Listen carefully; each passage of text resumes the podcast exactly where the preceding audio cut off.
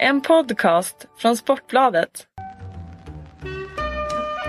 In the supermarket, you have eggs class 1, class 2, class 3. And some are more expensive than others, and some give you better omelets. That's the wrong information. Wrong, wrong, wrong information. I didn't say that. That's the wrong information. Do you think I'm an idiot? Wrong, wrong, wrong information. Now look at me when I talk to you. Your job is to tell the truth. That's the wrong information. Wrong, wrong information. Där har ni det mina damer och herrar. Det är tisdag och silly maskinen rullar för fullt här på Aftonbladet. Mitt namn är Patrik Syk. Tillbaka efter några veckors semester. Några veckor? Några månader, Herregud. månader. Herregud. Det är tre veckor sedan jag var här och spelade in ett avsnitt på min semester. ja, ja. Ja, ja du var på så. semester innan det också. Ja. Jo men så, så är det. det. Vissa gör sig förtjänta av semester. Vissa säger halvsanningar. Så är det. Eh, hur som helst så är Sillypodden tillbaka som vanligt. Eh, det har blivit tradition den här sommaren att vi är tisdagar. Nästa fönster så hittar vi en annan tid och eh, en annan dag. Så jobbar vi. Patrik Sjögren. Ja. Som vanligt, som alltid i. Sillypodden. Aldrig semester. Silly-general. Aldrig semester. Aldrig semester, nej. Eh, Nemrud Kurt, inte heller semester. Aldrig. Nej. Aldrig Du kan semester. inte säga Kurt igen, jag vet inte varför jag gör Kurt. det. Kurt. Kurt. Nemrud Kurt, Ja, det är så jävla lätt. Kurt. Det är så jävla lätt. Det är för lätt det är därför. Ja, jag Det tror det. enklare geniala. Du Som ser, ut, du ser lag... ut som att du ska ha ett krångligare namn än Kurt. Ja, jag vet inte om jag ska ta det som en komplimang men eh, okej, ja, jag ser inte ut som alla andra här, okej absolut. Det heter ju inte psyk i alla fall. Jag heter inte psyk, Nej. inte p-psyk heller. Jag har, Nej, jag, har, jag har ingen befogenhet att håna någon för namn, det vet jag. Det vet jag. Fast bra byline-namn, p-psyk. Det kan vi ta en annan gång. Det kan vi ta en annan gång. Ehm, före vi sätter igång, det börjar närma sig, det är två veckor kvar till ehm, deadline day. Tre, Ja. tre veckor kvar. Tre veckor kvar. Tre veckor kvar, tre och en halv. Vi ska planera någon slags tv-sändning tror jag. Ja, det ska vi göra. Ja. Det blir 12 timmar i vanlig ordning. Eh, Det känner ni ju till ni som lyssnar att eh, varje deadline day så sätter vi oss ner ett gäng härliga killar och förhoppningsvis lite tjejer den här gången. Ja. Vi är för dåliga på det. Jag skäms varje gång vi Men står kom där med med tips. Vilka det tjejer vill ni se i Ja. studion? Hjälp oss. Verkligen all hjälp vi kan få. Ja. Psyk, du är gift, var försiktig med den där. Du är gift, ta det lugnt. Ta det lugnt. men du vet det är inte allas hjärnor som funkar som din. Nej, jag vet. Tack och lov. Eh, så är det. Men som sagt vi börjar ladda här inför en deadline day sändning som då blir måndagen den första. Eftersom den 31 är på en söndag. Eh, och det går ju förstås inte att göra affärer på söndagar. Hur skulle det se ut? Så deadline, deadline day eh, sommaren 2014 är på en måndag. Erik Niva tränar i detta nu på sina godiskast kan jag lova. Han gör det? Ja, han sitter med lite måltavla hemma och skickar skumbananer just nu. Lite för mjuka tycker han, så han, han utvärderar lite Vi hårdare får nu. se vad det blir för, för godis i skålen den här eh, sommaren. Jag måste ju tänka på dig också Patrik. Ja tack, gärna något mjukt. Och gärna om ni har eh, lite pepp att skicka in och förslag på vad ni vill att vi ska ta upp. Eh, om ni har knåpat ihop något roligt mem eh, som ni vill ha med och något som ni tycker är signifikativt för den här silly-sommaren så skicka in det. Eh, twittra det till oss, mejla det till oss. Vi eh, svarar och vi tittar och läser och, och eh, diskuterar allt som kommer in, det lovar jag. Ska vi köra igång då? För det har ju hänt en del på den goda sillymarknaden sen eh, förra veckan. När du och KK Patrik spelade in förra avsnittet. Ja, när vi satt och förlustade oss på hand. Precis. Ehm, som sagt idag, och det är väl dagens snackis, Samuel Eto'o ska alltså eh, idag ha haft ett möte med Liverpool. Eh, om, eh, ja vad det nu kan vara. Han är ju kontraktslös. Eh, Det är nog inte det- managerroll om vi säger så. Jag tror inte att det är någon slags eh, Nej, annan det är, väl en, det, är direktörsroll en, det är heller. väl en lönediskussion som eh, det handlar om där. Som men, alltid med Eto'o. men Ja. eh, Liverpool som var nära att värva Loic Remy för en vecka sedan är den medical eh, kontrollen, så den medicinska kontrollen blev inte som man hade tänkt sig. Inte minst för Loic tror jag som eh, förmodar är förkrossad över detta. Eh, det tycker jag väldigt synd, synd om honom. Eh, att det ska behöva ta slut på det här sättet. Liverpool verkar inte haft så många eh, plan B till den här affären och får nu rikta in sig på kontraktslöse 33-åringen Samuel Eto'o. Är det här vettigt av Liverpool? Patrik? Eh, det känns ju desperat, du är inne på det. Det känns inte som de haft någon plan B. Nej. Vi tyckte redan när, när vi pratade om det när Chelsea tog in Drogba nu att man kanske ska glömma de här gamla hjältarna. Han är ju inte ett Liverpool-hjälte direkt men trots allt en Premier League-hjälte.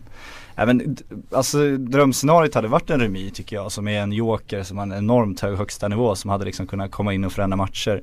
Istället för att ha en kille som tveklöst är på väg neråt som kan komma in och göra några påsar men liksom om Liverpool nu ska sälja Suarez så hoppades man ju att de skulle använda den ja, den miljarden för att liksom bygga nytt och hitta en ny strategi och en ny väg. Och nu går de istället in i någon slags, på ålderdomshemmet och rullar ut ett tå på en rullator och hoppas att det ska hända någon slags magi en sista gång. Och det är desperat känns som ordet. För de här ryktena kommer ju ändå från ganska stabila källor. Guardian har skrivit om det. Eh, The Times tror jag har skrivit om det. Det har dykt upp i, i Liverpool Echo men under den här, eh, de, har, de har en egen liten silverblogg-variant där. Exakt, eh, som man gossipspalten ja, precis, som man ska akta sig för. Ja eller hur, för det, det är liksom inte eh, Echos egna uppgifter då utan då refererar de till andra kanske mindre trovärdiga källor. Eh, Nemrod, hur är dina känslor inför Samuel Eto'o 2014? Ja, alltså jag ser glaset som halvfullt kan man säga för att eh, jag tycker att Eto'o ändå kan eh, Förutsatt att han vill sitta på bänken så kan han ligan, han eh, kanske inte är lika snabb, kanske inte lika snabb som eh, Remy. Eh, men han har erfarenheten, han kan eh, hoppa in i Champions League och ligan, blir en bra backup till Sturridge blir det väl. Eh, och sen så, eh, visst han drar nog iväg till Afrikanska. Eh, när, eh, liksom, i januari där. Men eh, i och med att han kommer gratis så är det ändå, tycker jag ändå att det är ganska lugnt att han tjänar ganska bra. Som sagt förutsatt att han är villig att sitta på bänken. Eh, Liverpool får ju också, förutom Suarez pengarna snackade vi om innan jag och du Syk, att de fick ju mest eh, pengar för eh, TV, liksom TV-intäkterna. Uppgick till 97 miljoner pund. Vilket är alltså en miljard kronor. Och det är helt sjuka pengar. Och det är liksom, eh, det, det, finns inget lag i världen tror jag som kan matcha det. I alla fall inte i Europa. Inte Real, inte Barca, inte Bayern. Eh, sportsligt som sagt, jag tycker inte att det är något fel på den här värvningen. Jag tycker att eh, Eto'o har lite mer att ge. Oavsett om han är 39 eller 33. Alltså det kommer vi nog aldrig få veta. Men eh, nej, ganska försiktigt optimistisk skulle jag vara om jag var Liverpool-supporter. Mm. Ungefär som när Gervinho kom till Roma fast Gervinho var lite yngre liksom. Det är inte samma frilla heller tyvärr. Inte samma frilla. Nej, men han har ju fattat att han inte ska ha den där. Så han har börjat köra med ett, vad heter det? För det, det, det, handlar ju, men det handlar ju om det också. Eh, det känns ju som att eh, Brennan Rodgers vill spela med en central anfallare i en, en 4-3-3. Det har han ju sagt sedan han kom att jag är egentligen en 4-3-3. Nu har vi två stycken heta anfallare i, i Suarez Sturridge under förra säsongen. Då får vi anpassa oss efter det och vara lite pragmatiska här. Eh, nu har Suarez försvunnit och är det angenäma problemet på något sätt ur vägen. Eh, eller ur världen. Ehm, är det viktigt här att hitta någon som kan acceptera en bänkroll också? Man säger att man ska, det har pratats om att man ska lägga bud på Cavani, man vill låna in Falcao. Det här är ju inte killar som kommer till Liverpool för att sitta på bänken. Eh, Nej, om de, om de kommer till Liverpool överhuvudtaget så Exakt, så, så, så, är, så är det ju för att vara den absolut största stjärnan. Ja. Nej men det, det är ju så, jag tänker ju så för att Eto'o kommer förmodligen att acceptera att sitta på bänken. Sturridge kommer inte sitta på bänken. Sturridge kommer däremot kanske gå sönder, vilket han gör ofta. Och då kan det vara bra att slänga in Eto'o. Du kan inte ha Cavani på bänken och Sturridge på plan. Mm. Men det känns ändå som en tillfällig lösning. Alltså du täpper ju ett hål som du liksom, som kommer vara öppet igen om om ett, ett år igen liksom. Mm, Man skjuter det, på problemet. Ja. Det håller jag med om, men samtidigt behöver det inte vara dåligt för det. Alltså, vad ska de göra annars liksom? Vem ska de hämta in? Remy var i första valet och han är snabb, han är den som de skulle behöva där. Eh, men eh, varför inte köra på ett år tills vidare? Mm. Eh, vad tror ni Rihanna tycker om år? Rihanna eh, älskar uppenbarligen år så att, eh, det kommer gå jättebra det där. Hans nya ägare. Ja, precis. Eh, vad ger ni för de här uppgifterna? Rihanna vill köpa Liverpool. Eller åtminstone kanske en liten del utav den. Eh, inte ett skit skulle jag vilja påstå. Nej men om hon ska köpa Liverpool så kommer hon köpa liksom sån en liten liten ja. procent som någon slags PR-kupp. LeBron James. Som LeBron ja. ja exakt. Sen kan man ju ifrågasätta Rihanna hur trogen hon är sina klubbar och sina landslag. Hon hejar väl på vadå 14 olika landslag under VM. Det var ju alltid nya tröjor och bilder och det var allt möjligt. Så att. Sen var hon väl på tyskarnas guldfest till slut så då var hon tysk också. Så att, om det går dåligt för Liverpool kommer hon väl köpa sin sig i Chelsea och sen kliver hon in i City och sen Hon kanske Sen blir det Stoke, sen blir det Newcastles nattliv med Erik Niva. Fan vad stort. Jag läste eh, att hon ska ha fått det här tipset just om Liverpool utav Didier Drogba som tydligen ska vara en god vän till henne. Varför hon nu tipsar om att köpa, köpa Liverpool och inte Chelsea som han ju har eh, lite andra känslor för. Det låter jag vara osagt. Men så via Rihanna då till Drogba som ju skadade sig här på, i en träningsmatch, blir borta i flera månader. Vi kan ju göra jämförelsen då Eto'o, Drogba, eh, kontraktslösa spelare som kommer tillbaka och ska någon vara vara rutinerade stöttespelare bakom eh, den stora anfallsstjärnan. Eh, vad säger vi om Chelseas eh, kontrakt med Drogba nu? Och vad ska Chelsea göra? Måste de då ta in en paniklösning eh, till paniklösningen? Ja det känns väl, ja inte uteslut men de har ju rätt offensiva mittfältare som skulle kunna axla vissa anfallsroller också så som någon akut eh, problem känns det ju inte som. Men det är ju risken med äldre spelare, de skadar sig ju lättare, det vet vi ju. Samtidigt vet vi också vad du får som vi var inne på med tå. Så att eh, jag tror inte att det är någon panik där överhuvudtaget. Nej, håller med. Chelsea i övrigt då, vad, eh, vad, ska de, vad ska de göra med all den här talangen? De har ju varvat ihop ett, eh, ett fantastiskt lag inför den här säsongen. Vi har sett eh, Diego Costa göra fint mål på försäsongen. Vi har sett Fabregas göra samma sak. Eh, då undrar man ju lite vad ska hända med till exempel en sån som André Schürrle? Blir han kvar? Ja, det snackas ju om, om Atletico Madrid. I så fall hade han Grishman och eh, Mandzukic, tre nyförvärv, hade bildat ett skönt anfall. Jag tycker att Schürrle visade i VM att det, var en slags slutgiltig bekräftelse på att han faktiskt är en top player.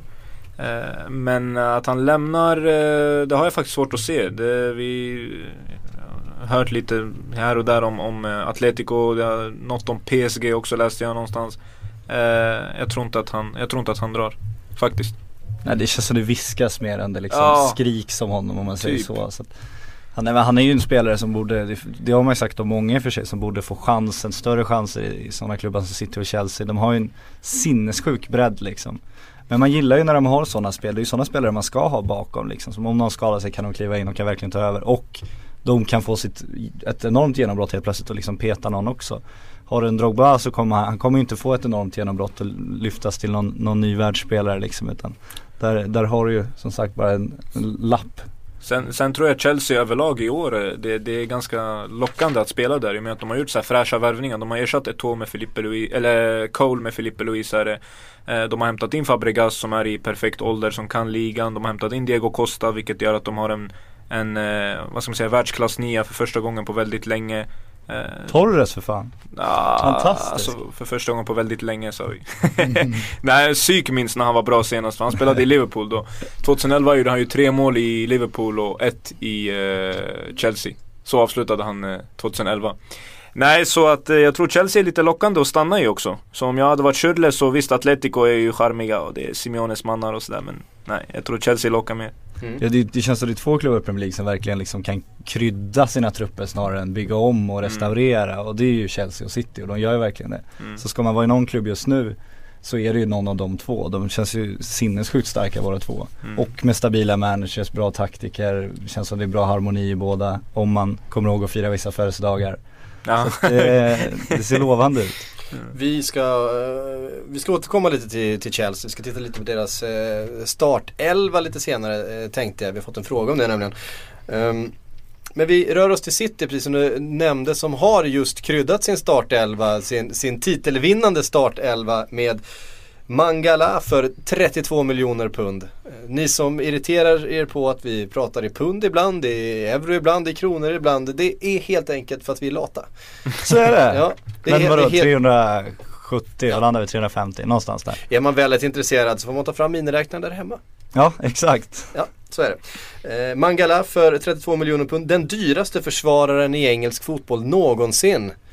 Eh, och då pratar vi det franska tredje valet i landslaget. Ja, vi pratade en framtidsman som börjar, som, det är dags att han inte är framtidsman längre, som var med i VM men inte fick spela någonting. Så att, eh, det är ett sinnessjukt överpris såklart. Men de säljer, eller de köper från Porto och då, då blir det sinnessjuka överpris. Annars hamnar han i Ryssland liksom. Mm. Så att, ska man ha honom får man ju, tyvärr får man väl säga, betala den summan.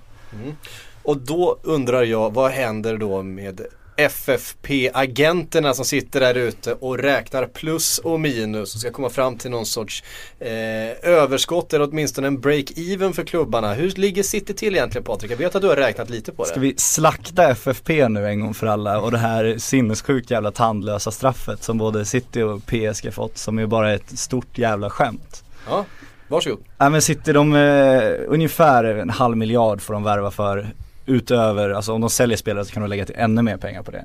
Det, det, du värvar inte för mer än så när du har en så färdig trupp. Så där, det straffet är ju liksom, det kan vi nästan skita i. Sen får de inte höja sina löner någonting, de måste frysas, hela klubbens löner och Champions League-truppens löner. Men det räknas inte in bonusar i det. Och det första City var när det här straffet, sa när det här straffet kom var ju att säga, ja men det är tydligt att bonusar inte är inräknat och det är, det är ett system vi tänker jobba efter. Jaha, ja vad gör de då? Jo, då värvar de Mangala så det är ju bara liksom sänka grundlönen lite. Och så skriver du in sådana här fullständigt realistiska bonusar. Nu vet jag inte exakt hur de här bonusarna är men vi kan ju spekulera i att det är Säg att han lirar 10 matcher så faller det ut lite mer pengar. Säg att han gör ett mål så faller det ut lite mer pengar. Säg att han liksom dyker upp på en träning så faller det ut lite mer pengar. Så sätt har de kommit runt hela den regeln. Så eh, det är bara att dansa hela vägen till banken. De har inga som helst problem med det här. De löser FFP trots, trots de här värvningarna. Det de måste göra är att anpassa sig efter grundreglerna som alla måste anpassa sig efter. Att du ska break even och så vidare. Men de har ju så pass stor omsättning nu så att det är, det är ingen större problem. De har redan värvat ihop sina trupper, både PSG och City. De behöver inte lägga en, två miljarder på transferfönstret längre utan de kan sälja lite och liksom jämna ut det. Så de, det är ju det här straffet som skulle liksom försvåra för dem som, som straff då och det gör det ju inte alls. Tar vi PSG kommer, också. Men kommer de behöva sälja någonting City? Nej, City i, i behöver- I dagsläget? dagsläget behöver de inte sälja något. Det är så? Ja så är det. PSG har ju inte den här eh, 500 miljoner spärren, den var ju lite hårdare mot City. Eh, Det PSG har är att de inte får, får liksom värva sönder sig heller för de måste ju göra ett nollresultat. Ja. Men då har ju de försökt värva Di Maria genom att låna Genom honom ett år. Och sen betala den stora summan nästa fönster för att på så sätt sprida ut sina utgifter och på så sätt gå runt straffet. Ja. Så kollar du straffet punkt på punkt på punkt liksom. Då hade du redan från början kunnat rita så här, om då gör vi så, så gör vi så, så gör vi så, så gör vi så. Så det är helt verkningslöst. Vad härligt det är med, eh, med Uefa och deras eh, lite, får man ändå säga, naiva. Eh, det kanske blir bra till slut. Fast, eh, Vi kanske, jag- får, vi kanske får ge en startsträcka på ett visst jag- antal år. Får jag ifrågasätta om det är naivt eller om det är så att det konstigaste tycker jag när de bestämde sig, ja men City och PSG ska straffas. Ja vad gör man då? Kallar man till en, till en domstol eller någon slags sån? Nej, man kallar till en, en förhandling som man kallar det för. Så man sätter sig vid ett förhandlingsbord och kommer överens med klubbarna om vad straffet ska vara. Och City sa det, vi håller inte med om att vi borde få straff, eller borde straffas men vi, vi har bestämt oss för, för att ändå acceptera det här straffet som vi fått. Och det var ju för att de bara kan knalla runt utan problem. Så att Uefa har ju liksom gjort en deal med de här klubbarna. Att, ja men nu har ni brutit mot reglerna, det här ser inte bra ut utåt. Hur löser vi det här nu Och grabbar? Kom och ta en fika liksom. Och böten som man fick den påverkar heller inte det här plus minus resultatet som det, det pratas om. Nej, det, kan, det kan ägarna själva bara eh, kliva rakt in och stoppa ner i, nu låter man ju som en riktig foliehatt här, men stoppa ner i eh, Uefas eh, ganska djupa fickor. Ja men och gå till Qatar och säga, ja men vi, nej nu får ni fan betala 50 miljoner euro och vi är upprörda. Jaha, ja, sorry, ja varsågod.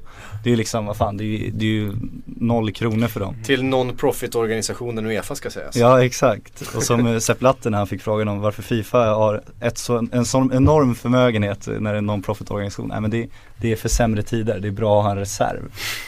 Sitter på några miljarder liksom, det är en ideell förening. Mm. Nej, Uefa och Fifa, folk vet nog vad vi tycker om dem i det här laget. Oh, ja. men, Ja men så är det. Ehm, som sagt Eh, Paris Saint-Germain, du var inne på dem och förstås när jag pratar Financial Fair Play så är det det första man kommer att tänka på. Eh, ingen Di Maria vad det verkar. Nej inte just nu, fast jag tror inte vi ska skriva av det.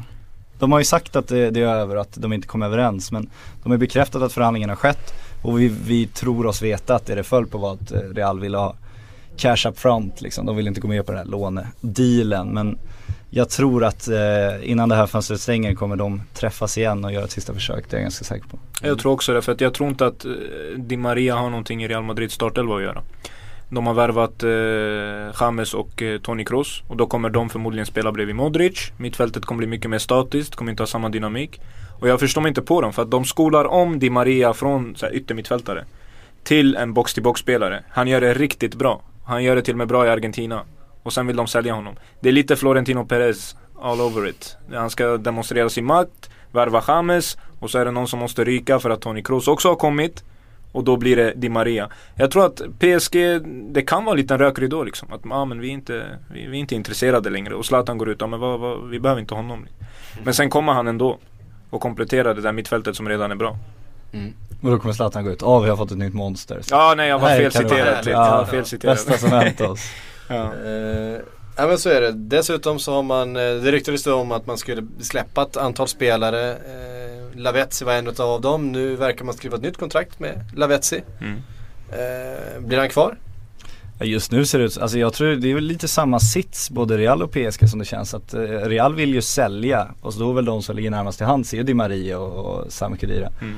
Så att de behöver ju pengar in samma. PSG, PSG måste sälja, de var tvungna att banta truppen, de gjorde sig av med Menes och Alex men de har ändå plockat in nya spelare. Så de behöver ju också sälja så att de har nog skickat ut både Lavezzi och Cavani på marknaden skulle jag kunna tänka för att se liksom intresset och sen var det nog rätt dött kring Lavezzi och sen eh, tog han några fina foton och la ut på Twitter och så blev läget kanske ännu mer dött för Lavezzi.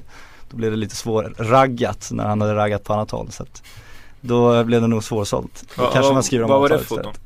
Nej han la väl ut, eh, hur ska vi uttrycka Det var oss? väl inte han som la ut? Nej, det var det eh, inte. Det kan-. Det var väl en telefon som blev stulen eller? Eller någon modell som ville ha lite uppmärksamhet, eller om det var hans fru, jag vet inte. Nej men det var, han, han hade väl ett visst umgänge med Sägs. en eh, fin dam på, eh, på bilder och så han satt i en Shit, polishatt Det och var hade censurerat trevligt. uttryckt. Ja, det var, det var, det var väldigt, det var ganska grafiskt. Det var, Det var väldigt grafiskt. Ja. Eh, Han simulerade oralsex med en kvinna, ungefär så kan man säga. Ja ja, men Knappt då så. simulerade Då men. Ja, ja, ja. Eh, nej precis. Ehm, och eh, fan det har varit lite obe obekväm stämning här inne känner Väldigt jag. obekvämt eftersom Ja. Nemrud började liksom söka på Twitter nu också Det i är inte, desperation. det är inte mitt fel att ni inte kan något om sånt. Lugna dig, lugna dig Nemrud.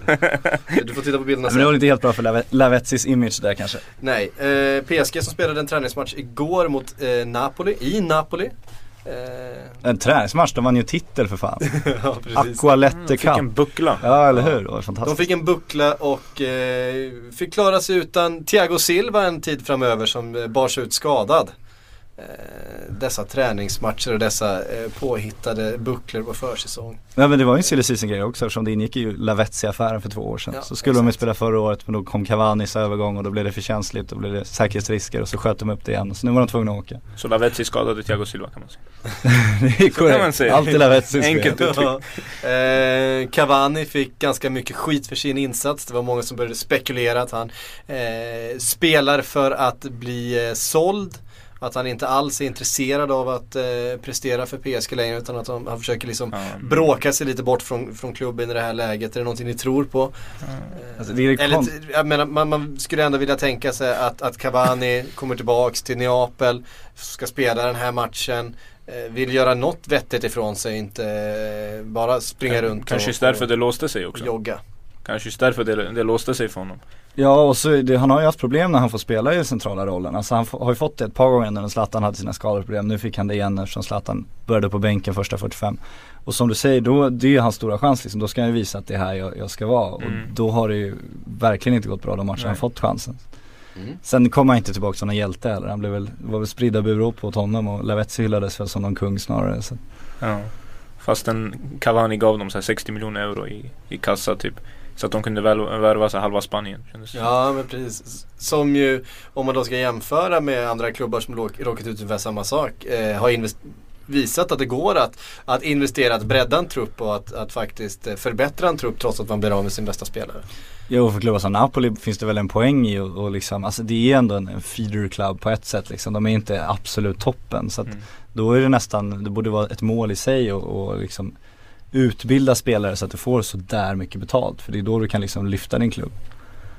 Higuain, Callejon. Ja, det, alltså, de hade ju kul där kan man säga. Ja. Det var ett bra transferfönster för dem. Mm. Vi satt ju njöt också. Ja, ja men det gjorde vi absolut. Eh, ett bra transferfönster eh, är väl frågan om Manchester United gör just nu. Eh, nu jobbar vi med segways. Ja, verkligen. Eh, lite krystad. Eh, Arturo Vidal Fast den var har ju inte krystad än Dro- Rihanna till Drogba Den till var ju Chelsea bra, vart vi den var ju landar. bra, lägg av. Den var ju för Kan vi fan- konstatera att den Rihanna är, bara den är, den är ju är... jag suttit och filat på hela dagen. Eh, Förlåt. Rihanna leker bara ball efter att ha sett hur Shakira älskar fotboll och VM och waka wakar varje gång det vankas VM. Så hon vill också göra något. Ja men det, ja, Typ. man vet aldrig. Jag, min teori är ju så här att eh, hon vill komma så nära Steven Gerrard som det bara går. Och all, all heder åt henne för det.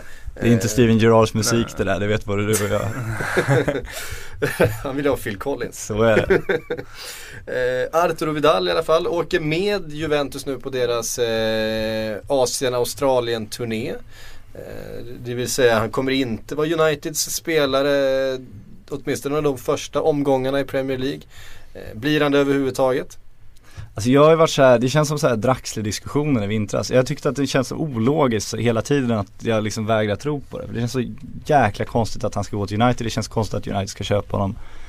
Och vi har diskuterat många gånger, men sen dyker uppgifterna om, upp om och om, om igen. Så uppenbarligen har de ju försökt, men jag måste ju stå fast vid att jag tycker att det känns som en osannolik affär. Alltså.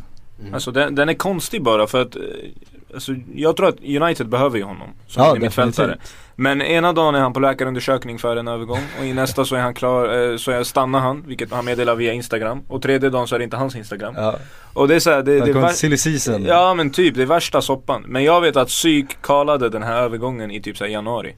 Vidal till United. Visst sa du så? Det, så var det, så var det. Ja, men det är en drömvärvning. Det är klart United skulle vilja ha Vidal. Det, det har jag aldrig tänkt mig att det inte skulle vara så. Men eh, att liksom han skulle gå till, det känns som han är så jävla bra, jag tycker verkligen det. Så att, och Juventus måste ju hålla stenhårt i honom. Och om de släpper honom så måste det bli till ett hiskeligt jävla överpris.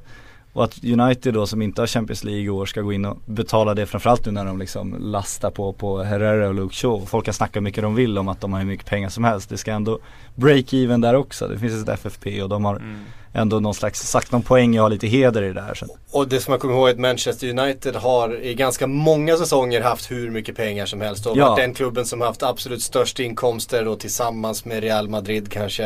Eh, men vi vet ju också att Glazers inte alltid har varit sådär jättebenägna att spendera varenda krona utan har gärna velat stoppa lite utav det här i, i egen ficka. Och det är viktigt nu också, de släppte de här tröjförsäljningssiffrorna igår. Alltså vilka spelare i Premier League som säljer flest tröjor. Van Persie toppar ju fortfarande, men förra året var det ju Van Persie, Rooney, Kagawa. Nu var det väl Van Persie och sen hade vi väl Gerrard. Gerard Suarez. Och liksom man kan ju skratta åt det där men det, är liksom, det visar ju någon slags tecken på vart liksom vindarna blåser. Det går ganska fort att tappa lite anseende och har du inte de största stjärnorna då då sjunker ju liksom tröjförsäljningen och det innebär ju att intresset sjunker. Det innebär att rekryteringen av nya supportrar inte kommer gå lika smidigt. Så det är nog ganska viktigt att inte bara värva riktigt bra spelare som andra Herrera utan faktiskt få in namn som kan kränga lite tröjor också och liksom lyfta hela klubbens varumärke. Det är intressant det där med, med tröjförsäljning. Det var någon som, eh, någon tidning som har gjort en uträkning på att James Rodriguez skulle ha betalt tillbaks Ja. halva sin transfersumma i tröjförsäljning där man då har tagit så här många tröjor har sålt, så här mycket kostar en tröja. Eh, och då glömmer man ju kanske att en tröja har en viss produktionskostnad, en distributionskostnad och att eh, återförsäljarna kanske har någon sorts marginal också. Så att man är inte riktigt där än, det är inte riktigt så enkelt. Eh, men det är klart att tröjförsäljning är en stor del eh, utav klubbarnas intäkter. Ja, det är viktigt, men det visar också väldigt tydligt tecken på liksom hur din klubb mår långsiktigt. För allting handlar ju om liksom att få nya support hela tiden. Rekrytera liksom ungdomar i över hela världen nu för tiden. Asien är jättestor marknad. De åker dit på träningsmatcher liksom för att vinna nya supportrar. För det är de som kommer köpa är de som kommer heja på laget. De som kommer komma och kolla på matcherna nu för tiden också.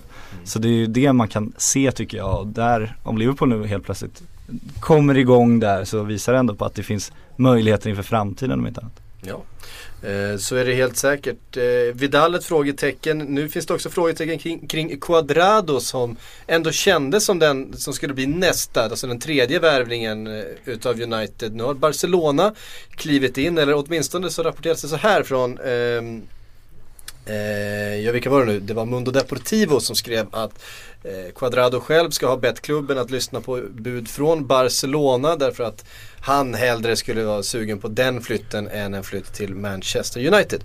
Eh, vad säger ni om de här uppgifterna? Kommer Barcelona kliva in och lägga ett bud på, eh, på honom i det här skedet eller eh, är Manchester United fortfarande den eh, slutdestinationen för Cuadrado? Men du som är Serie A-nörd liksom hur bra har Cuadrado varit i ligan? Alltså grejen är så här, ända sedan de skolade om han från högerback och och liksom flyttade upp han högre upp i banan, det är då han har exploderat. Och problemet nu är att om han går till Barca så ska han förmodligen spela högerback. För då drar förmodligen Dani Alves. För vem ska han peta där framme? Messi, Neymar, Suarez.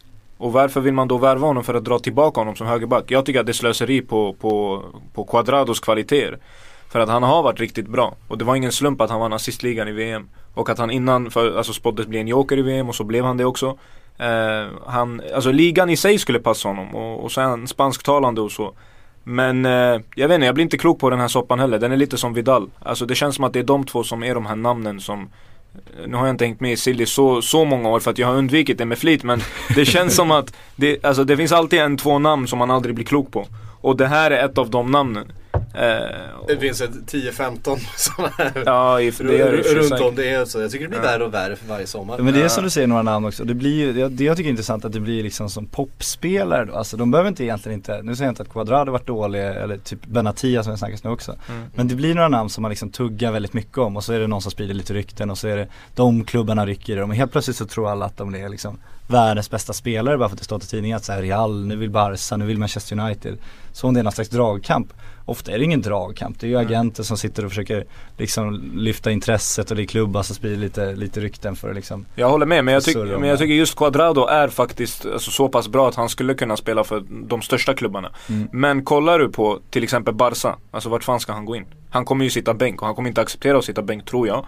Och han kommer definitivt inte sitta bänk för en summa på, det snackas om 40 miljoner Ja, precis. euro då. Eh, och så som jag förstått det så är det ju på högerbacken också som eh, United har tänkt sig använda Quadrado. Mm. Eh, om jag inte har förstått det hela fel.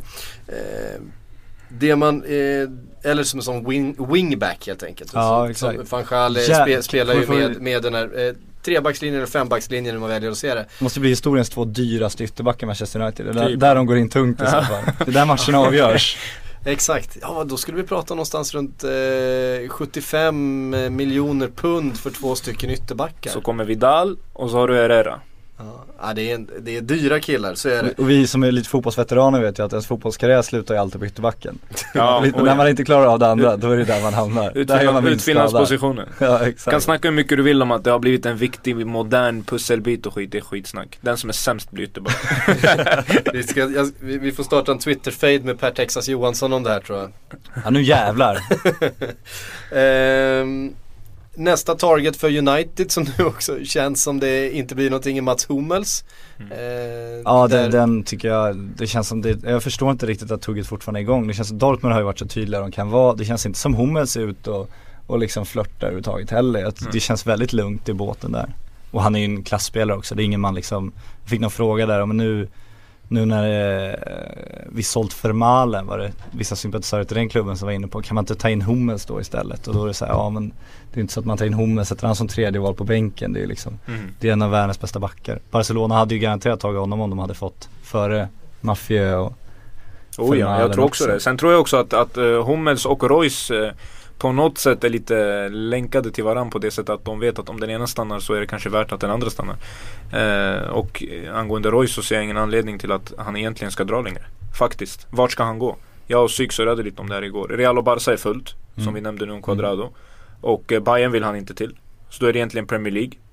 Vi sa det så att han vill inte till Bayern? Nej, det, Vä- det, vänta, det, vänta ett år så. säger jag bara. Ja Vänta okej, år. vänta ett år men nu den här sommaren i och för sig. Han har ju sin Eh. kl- sån här, eh, jag kan inte säga klausul för alla hatar mig för uttalet. Men jag ska köra på det ändå. Nej men han har ju det nästa år så han kan gå för en fast summa. Han vägrar ju förlänga nu tydligen enligt Bildt då som vi ändå kan Ja. lita hyfsat på. Man vet aldrig, det Men kanske det är också, redan är klart med enligt Bildt har ju, har ju rapporterat att, att han själv ska ha tackat nej till, i alla fall i det här läget då, Bayern München. Eh, det ska man säga att det här var ju ett läge då Dortmund liksom ganska mycket utmanat Bayern München i Bundesliga. Det, eh, han har ju sett hur, hur Mario Götze eh, har blivit behandlade efter den här flytten. Vi har sett Lewandowski göra den här flytt, flytten nyligen. Eh, det, det kan väl finnas en viss eh, politik i att säga att man vägrar gå till just Bayern Du måste München. väl säga det så länge du spelar i Dortmund också. Det har väl tidigare namn också varit inne på. Jag, jag tror så här när Ribéry och Robben ska ersättas om ett år till exempel och Marco Reus finns på marknaden. Då tror jag Bayern München ringer och jag tror att Marco Reus kommer få svårt att säga nej. Mm. Det är jävligt stort att spela i Bayern för en, i Tyskland, så enkelt är det. Det är det största du kan göra. Det är, det är, det är det eller Real, det är liksom större än att spela i United. Mm. Så att eh, det finns en enorm prestigevinst och liksom du blir ju någon slags landsikon om du gör det bra i Bayern också. Mm. Eh, så Vidal, Cuadrado, Hummels. Eh, frågetecken då, eh, Manchester United Targets. Men eh, nu pratas det också en del om Di Maria som vi var inne på till eh, PSG. Kan man eh, klämma sig in där för eh, fransmännen? Jag hänger inte med på frågan riktigt. Kan man klämma sig in och, och norpa Di Maria framför Ja, näsan på. PSG? Ja, jag jag undrar vart de ska spela Di Maria i så fall, Manchester United. Ja, jag tänker också på det. För att det känns som att han passar mer in i PSG-spel. I ett eh, ja, 4-3-3 eller 4-2-3-1 eller vad ni vill kalla det. Som en slags eh, offensiv, alltså den box-till-box-spelen. som bryter mönstret med sina löpningar. Jag tänker också vart fan ska han spela i United? Ja, Jag vill ha någon som släpande i PSG. Alltså att de spelar, jag skulle vilja att de spelar med två anfallare med Cavani och Zlatan och sen låter Di Maria få lite fria händer bakom. Det hade varit jäkligt häftigt. Mm, i och för sig ja. United har svårt, alltså han ska ju någonstans in på Juan Matas territorium på något vänster där och det, det känns jävligt konstigt att de skulle gå in hårt på honom då. Mm. Ja. ja, vi får se, vi får se. Lite i undervegetationen så kan vi eh, också rapportera att, att eh, Zaha eh, det ryktas om en återflytt till eh, Crystal Palace. Ja, då kan du snacka under vegetationen. Ja, Super, Shola, super. Shola Miovi gick till turkiska andra ligan också. Så att, Det, det, det, känns ju, det känns ju också rimligt. 14 år i Newcastle, ingen förstod Ja, varför. men exakt, att han lämnar Newcastle känns inte rimligt bara. Nej jag håller med, vad fan ska vi göra utan sin Miovi? Så är det. Ska vi röra oss ner till Italien Nemrod? Jag vet att du eh, Mm. tycker om stöveln och fotbollen och spelar där. Eh, Gary Medell. Eh, ikonen. Ja, alltså, man kan säga så här, hade de haft hand om Motta på mittfältet hade det blivit medelmåtta. Eh, ja, torr humor är den Ja, bästa. oj, oj, oj, oj. Var är Glenn? Eh, fantastiskt. Var är Glenn? Ja, bra. Eh, Gary Medell klar för Inter. Efter en del eh, om och men och det kom inte riktigt någon eh, något officiellt statement. Helt plötsligt så var han där på träningsplanen och nu hälsar de honom välkommen. Ja, det är, eh, vad ska man säga, han, eh, alltså en liten Vidal-typ på något sätt. Kanske inte gör lika många mål. Men eh, en sån här, de kallar honom pitbull i Chile, en riktig pitbull då som, som eh, liksom, alltså kör över allt på mittfältet. Och det är många som vill se honom på mittfältet fastän han också kan spela mittback. Eh, I eh, VM med Chile spelade han ju med muskelbristning tror jag det var. Med hela matchen mot Brasilien. Det är exakt en sån här spelare som jag tror att Inter behöver. De behöver, alltså det är lite Vidal-typen. Det är ungefär som att United behöver Vidal. De behöver den här spelaren som kan rycka loss dem ur den här jävla baksmällan som de har haft ända sedan de vann trippen 2010. Eh, och Medell är definitivt en sån värvning. Och sen är han i rätt ålder. Han är, 20, han är 87, vad blir han? 27? 27. Ja. Gjorde det bra i Cardiff förra säsongen Mm. men är han, är han ett, eh, ett namn för en storklubb, en namn som, eh, ett namn för ett lag som siktar på Champions League och så vidare? Alltså han är väl en köttig spelare liksom, sådana passar in i ganska många klubbar. Det, det är få spelare som går från Cardiff till att liksom Serie A på det sättet. Men Ja. jag tycker han, han liksom, han har han spelar ju inte på sin bländande teknik eller på något liksom, Nej. utan det, är- det är hårt arbete och det, det är rejält liksom. Och det är så, sen, sen är han, alltså Inter kallas ju Pazza Inter, vilket betyder galna Inter. Det betyder galna Inter. Och han passar på något sätt in där. Och kallas man pitbull så är det bara att kliva Kallas man pitbull så är du ju galen. Och du passar in i galna Inter. Ungefär som när Inter hämtade Lucio och vann Champions League. Mm. Så, eh, ja, det är inte, inte Milan som passar utan det är just Inter han ska, alltså han hör hemma i känns det som. Ja men det kan bli succé då. Ja, det tror jag. Eh, och tittar vi i Florens så har vi konstaterat redan att Quadrado antagligen inte blir kvar. Ja, sluta. Sluta slå fast det. Alltså, Ja men ja, vadå, ska de ha 40 miljoner euro för Quadrado och liksom Du köper inte en högerback för 40 miljoner euro, det tror jag inte en höger wingback. Ja, om men då be. ska du ha han på mittfältet i så fall, tycker jag också och då, eh, som det, de det snackas om, vi, vi har svårt att se att han passar in liksom Jag tror att det, det, det är också det här när det snackas om de som liksom blivit gjort succé i VM Många gånger så blir det populärt att sälja tidningar på dem för att de är helt plötsligt stora profiler Men klubbarna tittar ju på mer än det trots allt Och eh, det är inte alltid de passar in i de här analytiska systemen trots allt. Så jag skulle inte slå fast att han är exakt så het som det påstås. Ja. Eh, Fiorentina hur som helst eh, ser ut att plocka in Chelsea-ikonen eh, Marco Marin. Ikonen. Sådär ja. ja. Han, gjorde, han gjorde inte många matcher för Chelsea och den, de matcherna han gjorde var väl inte speciellt lyckade. Jag tror att han hade i sin första, en av sina första matcher ett inhopp. Han sprang in och blev utvisad i stort sett. Slog bort två bollar och Alltså, tog ett rött kort. Men det är ju klubbvalet som var så märkligt där, så att han väljer Chelsea. Det är ju som att Melker Hallberg går till Udinese nu liksom. Det är ju lika, folk kan ju bara sätta sig innan och säga alltså, det här kommer inte bli bra alltså. Nej men det är därför jag, vi nämnde det senast också, jag tycker Modric var exemplarisk där. Att han gick till Tottenham tills han var inne i rätt ålder. Exakt. Och sen drar han till Real. Tottenham var språng, äh, språngbrädan liksom. Eh, men eh, ja, nu får Marin börja om från början känns det som och det, det på något sätt känns det som att det är rätt att han gör det i Fiorentina. Florens är en stad där han kan få mer lugn och ro än eh, ja, men drevet i England och de här andra storstäderna i Italien. Att han kan börja om där och liksom hitta tillbaka till sig själv. För det är en duktig spelare. Så visst, det kanske inte är, alltså för Fiorentinas del lika eh, han har inte samma kvaliteter och han är inte lika bra som Quadrado om Quadrado drar liksom. Det, är, det, är, liksom. det blir sämre på det sättet men samtidigt för Marins del så tror jag att det blir bra. Men kollar de inte på truppen? Jag fattar inte det. Det är ofta svenskar som går till Serie A. Men det är samma liksom när Marin gick till Chelsea. Man kan prata om Schürrle där också när han valde det. Mm. Alltså det finns ju någon Linus Hallenius intervju där han säger om tiden i Genoa så att ja, men jag, hade ingen aning om att de hade så 60 spelare på lån. Vad fan, gå in på Wikipedia och kolla vad det går Nej men han liksom. hör såhär Genoa. Och typ Schürrle hörde säkert Chelsea. Sen Ja. kanske de tänker att det är en utmaning. Nu ska jag peta eh, Hazard eller nu ska jag peta Mata liksom. Och blir det inte bra då är jag ändå i Chelsea. Då kommer folk kanske mm, liksom, ändå vilja haffa mig. Sen tänker de kanske i andra hand på att ja, men, om det inte går bra. Då har jag kanske skjutit mig själv i foten. Båda fötterna. Och hur, hur det än går så har jag tjänat ganska mycket pengar. Ja och jag har fått skicka hem jättefina tröjor till mina kompisar och bjuda dem på matcherna. Så att jag, är- jag är jättecool i två år men sen har jag gett Vadå, upp mina andra åtta år liksom. Preben Boys spelar jag för helvete. Ah. Ja men ungefär Tänkte, som vilken jävla Ma- klubb snackar Manchester City-legendaren John Guidetti. Ja men han gick väl ändå som ungdomsproffs på det sättet. Jo, så jo, att det jo, men, sak. eh, absolut. Men, Men, eh, eh, ja, men samma sak där, alltså, det, det blir ju konstigt. Det är någon Barca-spelare nu som hade skrivit in och avtalat men jag ska gå upp till A-lag efter två år och nu blir han utlånad. Äh, jag fattar inte vad de håller på med. eh, John Guidetti ryktas om Southampton. Det, den kan vi slänga in här också. Ja, den har vi väntat på att det ska ryktas om. Mm. Eh, framförallt så ryktas det väl om Feyenoord som ska ha intensifierat jakten på John. Hans gamla klubb i Holland där han gjorde succé. Mycket, mycket rykten som rör just eh, Guidetti handlar ju om att det är Koman som har kommit in eh, som då tränade Feyenoord under tiden Ja. eh, Guidetti var där och de var ju förstås väldigt framgångsrika tillsammans. Det var väl det Eh, första vi sa när Koman tog över Southampton att nu väntar vi på Guidetti-ryktena. Mm, precis, och nu kommer de. Nu kommer de, Ja. som ett brev på posten. Ja, Mm. absolut. Men då kanske de kommer för att det förhandlas, det, det intensifieras ju väl nu också, det är inte bara Feyenoord förmodligen men det, det är klart det kommer snackas om John nu när det där, den där övergången ska sys ihop. Man gillar ju att, att kasta in så många klubbar i leken som möjligt så att man kan förhandla upp lön och diverse andra saker. Precis. Ja, Southampton går ju att förhandla med nu för de har ju hyfsat med deg på kontot. Det kan man säga. Ehm, precis som alla klubbar i England, ska vi säga någonting om det här TV-avtalet som har gjort nu att eh, till exempel en Borini skulle kosta närmare 200 miljoner, ja 150 miljoner eh, för ett Sunderland.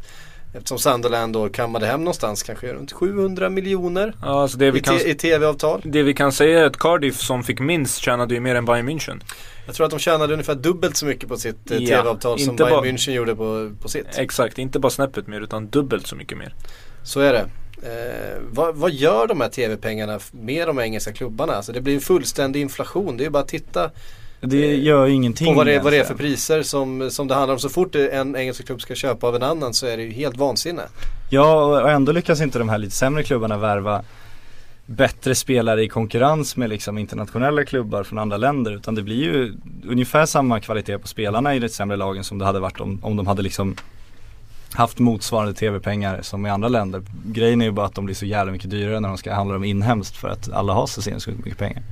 Så att jag tycker inte att det kanske lyft ligan så mycket och eh, i Europa så kan ju många tycka att de är jävla mycket, det är klart de kommer konkurrera där. Så är det ju men samtidigt så slår de ju ut pengarna på fler då. I Spanien så tar ju bara så alla cash och då blir de så extremt starka så att de blir bättre i Europa också. Liksom. Mm. Sen har de ju ett problem i England, alltså allmänt, det är att de har för dåliga inhemska spelare. Tycker till och med FAs ordförande Greg Dyke.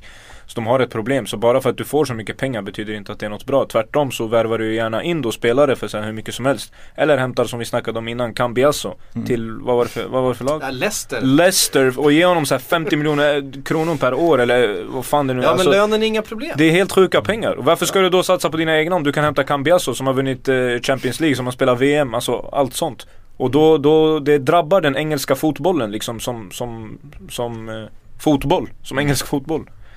Ja deras talangutveckling blir ju, det, det är en dyr process att utveckla talanger för Ja. du får ju väldigt lite utdelning på det. Mm. Så om du, som du säger då, om du då cashar in sådär mycket på ett år på ett tv-avtal då är det ganska lätt att köpa ihop ditt lag. Ja och sen mellan, alltså sen när de väl köper sina egna då är det så Jack Rodwell för 70 miljarder och så sitter han på bänken. Och då är hans karriär förstörd. Jag hoppas inte samma sak händer nu med till exempel Ross Barkley som Psyk faktiskt introducerade mig för. Vi skakade hand och sa tjena, Nemrut, tjena Ross. Nej men det var på YouTube eh, som vi träffades. Han visade mig, alltså sådana spelare till exempel. För jag tycker inte England har så dålig ny generation egentligen som folk tycker och tänker. Jag tycker till exempel att Italien har en mycket sämre. Faktiskt. De har egentligen bara Verratti som är den här världsvärldsklass av de nya. Eh, som är lite mer halvetablerade om man säger så. Men England har flera. Och det vore synd om, om engelsk fotboll liksom får ta den där smällen bara för att de har så bra ekonomi, klubbarna. Till och med de som Men åker det ner till ju en, Championship. pris, en prislapp som satt där, menar, vi, nu ryktas det om att, att eh, Sunderland i sin tur vill ha 100 miljoner kronor för en Connor Wickham när, när West Ham är intresserade. Det här är ju, alltså vad, vad betalade Atletico Madrid för en Griezmann? Ja men det blir just det, men det blir också de här, när vi pratar, om man pratar Champions League och de här inhemska spelarna, reglerna och egna produkter-regler. Det finns ju liksom faststämt hur stor del av truppen som måste vara engelska spelare och sådär när du spelar Champions League för, som engelskt lag. Ska man ta FFP där så sänkte de ju den också så att de här när de fick banta sina trupper så var de inhemska spelarna sitter fick ta bort. Så att det blev ju också tandlöst där. Men, Nej, men, jag, men det gör ju ja. att de engelska spelarna blir mycket, mycket dyrare vilket gör att de är, när de är talanger, när de är 15-16 år, då kommer ju de här största klubbarna och bara köper över dem för att liksom det är så värdefullt att ha en engelsk spelare på sikt för att du kan liksom, om du har en engelsk spelare som dessutom platsar i ett lag så du, kan du ju räkna av Mm. honom på truppen. Och det gör ju att de hamnar i den största klubben och det gör att de inte får någon speltid i A-laget när de är unga och det gör att de får en sämre utveckling tror jag. Mm. Ja, så är det. Ond cirkel. Ond cirkel. Ja, alltså, sen- Inte för att jämföra men typ David Villa gick till Atletico Madrid för så här 4-5 miljoner euro. Eh, Benatia gick- gick till Roma för så här 13 plus två talanger eller vad fan det nu var. Gervinho gick för 8. Alltså om man bara sätter det i perspektiv. Connor Wickham. Jag ska vara ärlig, jag vet inte vem det är. Snubben kostar 100 miljoner kronor. Alltså, han var jävligt bra för några år sedan när han gjorde sin förra flytt. Men Ja, alltså vad kostade han bra. då? Som eh, 17-åring kostade han eh, ännu mer. Han kostade 100, 170 eller något sånt där miljoner. Ja. Den gången när Sun- Sunderland eh, köpte Men honom. de snurrar ju bara de där tv-pengarna. Det är inte så att de, alltså de borde ju egentligen investera dem i sina ungdomsanläggningar liksom och utveckla hela, hela sin klubb liksom, sin grundorganisation. Men som ni säger, de hamnar ju på spelare också så snurrar det runt där. Så att det, är, det är ju inte, jag vet inte om det gynnar så mycket av att de får så sin så mycket tv-pengar. Eh, talanger är det som ofta drabbas. Vi har ju två stycken Kristoffer i England till exempel som sitter i varsin storklubb. Kristoffer Olsson i Arsenal, Kristoffer Petter Petersson i, i Liverpool. Eh, två förstås jätteduktiga, talangfulla spelare, två talanger som svensk fotboll skulle behöva vårda med allt eh, man har. Ändå, då sitter de, kommer förmodligen inte få något seniorspel om de inte blir utlånade då den här säsongen. Båda två är precis på gränsen tror jag, de är 19-20 år gamla båda två. Ja, I ett nu. skede där man behöver spela regelbunden seniorfotboll. Ja men herregud, ska du bli en bra spelare, är du 18 år så platsar du i ett, ganska stort A-lag då, om du verkligen har den riktigt stora potentialen. Så är det ju. Du ska inte spela reservlagsfotboll upp till 20-årsåldern, det är ju liksom absurt. Du är ju redo då. Och de här är två killarna man har hört det snackas om i 4-5 år liksom inom svensk fotboll. Det är alltid de namnen som kommer upp. Och de, eh, framförallt Kristoffer Olsson är väl den som hålls som den allra hetaste. Och de imponerar ju sägs det på försäsongen och sådär när de väl får vara med i A-laget. De får träna lite med dem men Alltså lån också, hur många gånger har liksom en, en riktigt stor spelare fått ut så jävla mycket av att gå på ett lån och sen kommit tillbaka så övertygad. Jag tycker det är sällan det funkar liksom. Är du tillräckligt bra så platsar du, är du inte tillräckligt bra så tycker jag att du ska byta klubb. Samtidigt lite underskattat det här med att träna till exempel Gudetti när han tränade med Citys A-lag. Okej han kanske inte fick lukta på, på sta, alltså startelvan. Men han får möta Yahya Touré till exempel.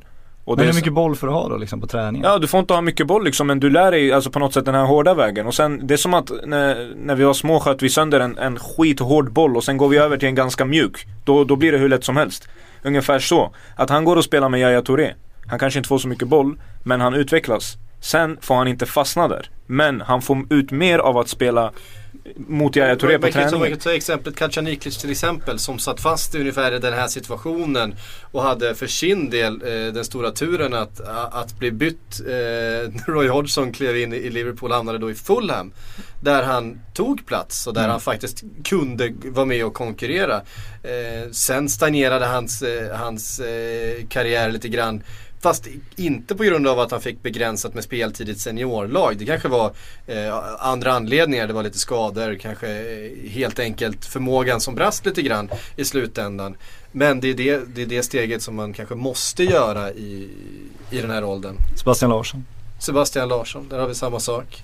Eh, fick väl ändå spela lite grann i Arsenal. Han gjorde väl en match i alla fall. Något Som vänsterback tror jag. Ja, mycket långt blont hår. Fantastiskt. Nostalgi. På tal om talanger i alla fall så är det dags för veckans eh, scoutingrapport. Det har slarvats lite med den här scoutingrapporten. Eh, du, du har varit borta. på semester, ska vi få kritik för att vi går in i två veckor, kolla på vad som händer. vår semester? Ja, Jag och. KK, kört två timmar. Fan. Två timmar och inte en enda scoutingrapport. Nemrud, det är du som eh, är maestro idag. Varsågod.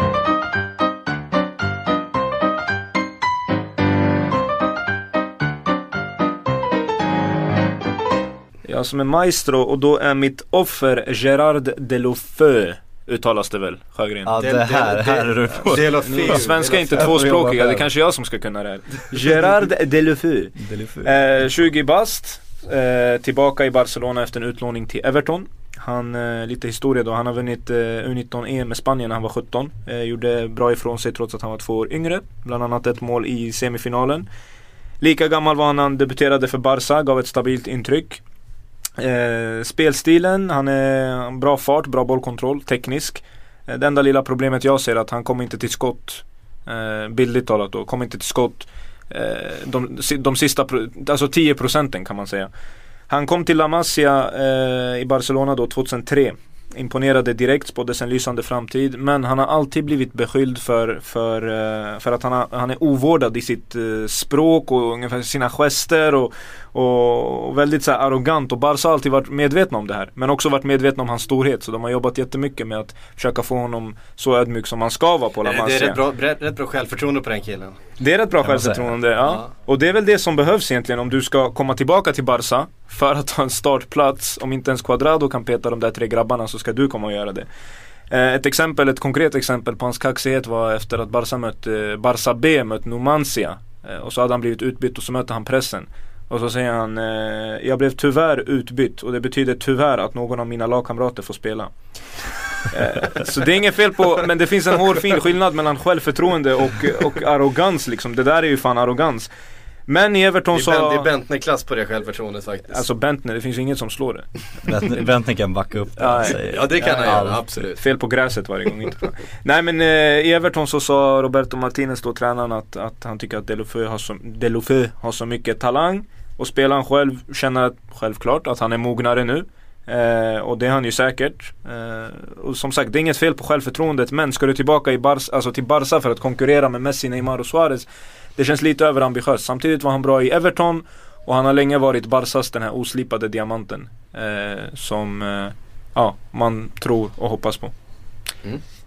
Gerard Delofeu. Delofeu hade en jättefin säsong i Everton förra året och som eh, inhoppare framförallt och han var ju bänk, bänkspelare men när han kom in eh, visade prov på eh, stor potential och, och klass. Men ska vi trötta ut oss med den här talangdiskussionen igen så kan man ju ifrågasätta hans klubbval också liksom. Han kommer till Everton, hade han tillhört Everton eh, så hade ju de satsat stenhårt på honom, han har enorm potential. Nu vet de att han han kommer vara här ett år liksom. Då kan vi ha honom som lite joker, vi kan ha honom som lite inhoppare. Vi behöver liksom inte ge honom det, det enorma förtroendet som han kanske hade utvecklats mer av. Nu, nu vet jag inte så mycket om själva bakgrunden till affären men det känns lite som att Barca kör sin, sin, sin vanliga strategi att ja, men, lån. Ja men där har eh, du Roberto Martinez ganska mycket eh, också. ja, men- Eh, Katalan, han, han eh, spelar på ett sätt, de vet att han kommer eh, få en roll som är inte helt olik den kanske han, han skulle kunna ha i ett Barcelona i framtiden. Jo men han, det är ändå ett år där han är bänkspelare. Är det det man ska ha i den åldern? Fast han hade väl tian om inte jag har fel. Jag tror att han, Han hade nummer tror- 10, tror- tror alltså det, okej 10 det säger som- inte så mycket men som det säger in- ändå en del. Som inlånad ungdomsbänknötare. Ja, det är ändå ganska så Det var här. antagligen ett, eh, ett krav från hans sida. Förmodligen ja, Exakt. Arrogansen. inte Annars får ju tyvärr en lagkamrat tian, det kan Ja. vi inte ha. Exakt.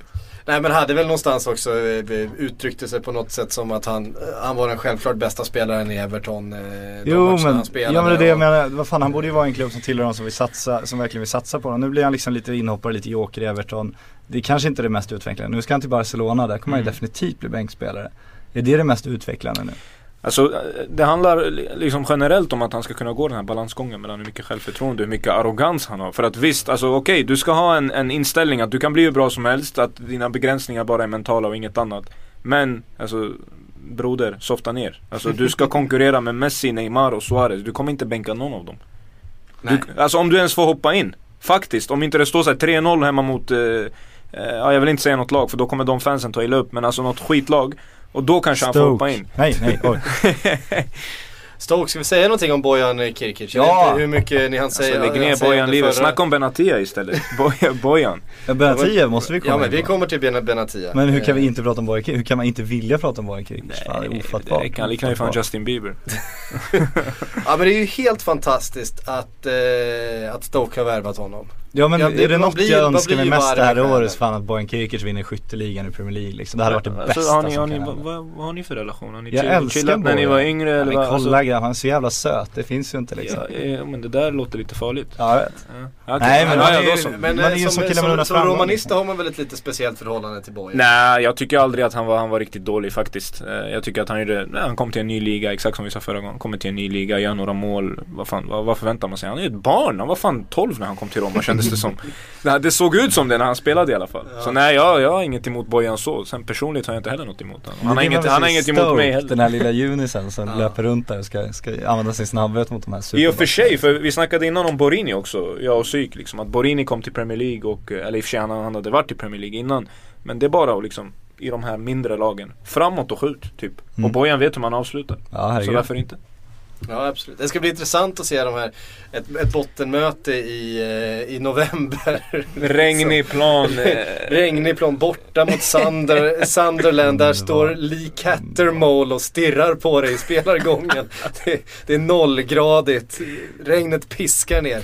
Då, då, det är då. Det, Han det kan det börja som- gråta, han kan Ja, börja det gråta. Roy King, see you out there. Du vet, då, Ja. då, då kan Ja, det det, är bli. det, det är det jag säger. Lee Cattermole han bara sneglar över. Okej, där är han. Då är, Sjö, då är Sjögren där och försvarar Rädda honom. Bojan. Kom, Jag ska åka och Bojan. hämta Bojan. Kom Bojan, venga, venga. Ja. Å andra sidan så har eh, Stoke då värvat Steve Sidwell. Eh, min favorit från Fulham eh, till den här säsongen. Så han får väl, han får väl försvara. Det blir såhär Gretzky och livvakten liksom. Det är så det kommer sluta. Ja, men man, har en, man har en arg liten rödhårig eh, britt bakom sig. Ja, det, herregud, det, brukar, det brukar hjälpa de där eh, snabba, eh, smarta killarna. Hur bra som helst. Hur bra som helst. Eh, Benatia har ju pratats om väldigt länge. Romas guldklimp, mittbacken. Eh, och nu är det Chelsea som är där och rycker. Eh, Vad säger vi Nemrod? Vi säger att det är dags att spränga upp eh, Abramovic olje, alla hans jävla oljefält eller Nu fick, han något, nu fick han någonting obehagligt i blicken. Ja, Nej men, är det mord i blicken. Nej men alltså det, det där är en öm punkt för mig. Cattermole-blick.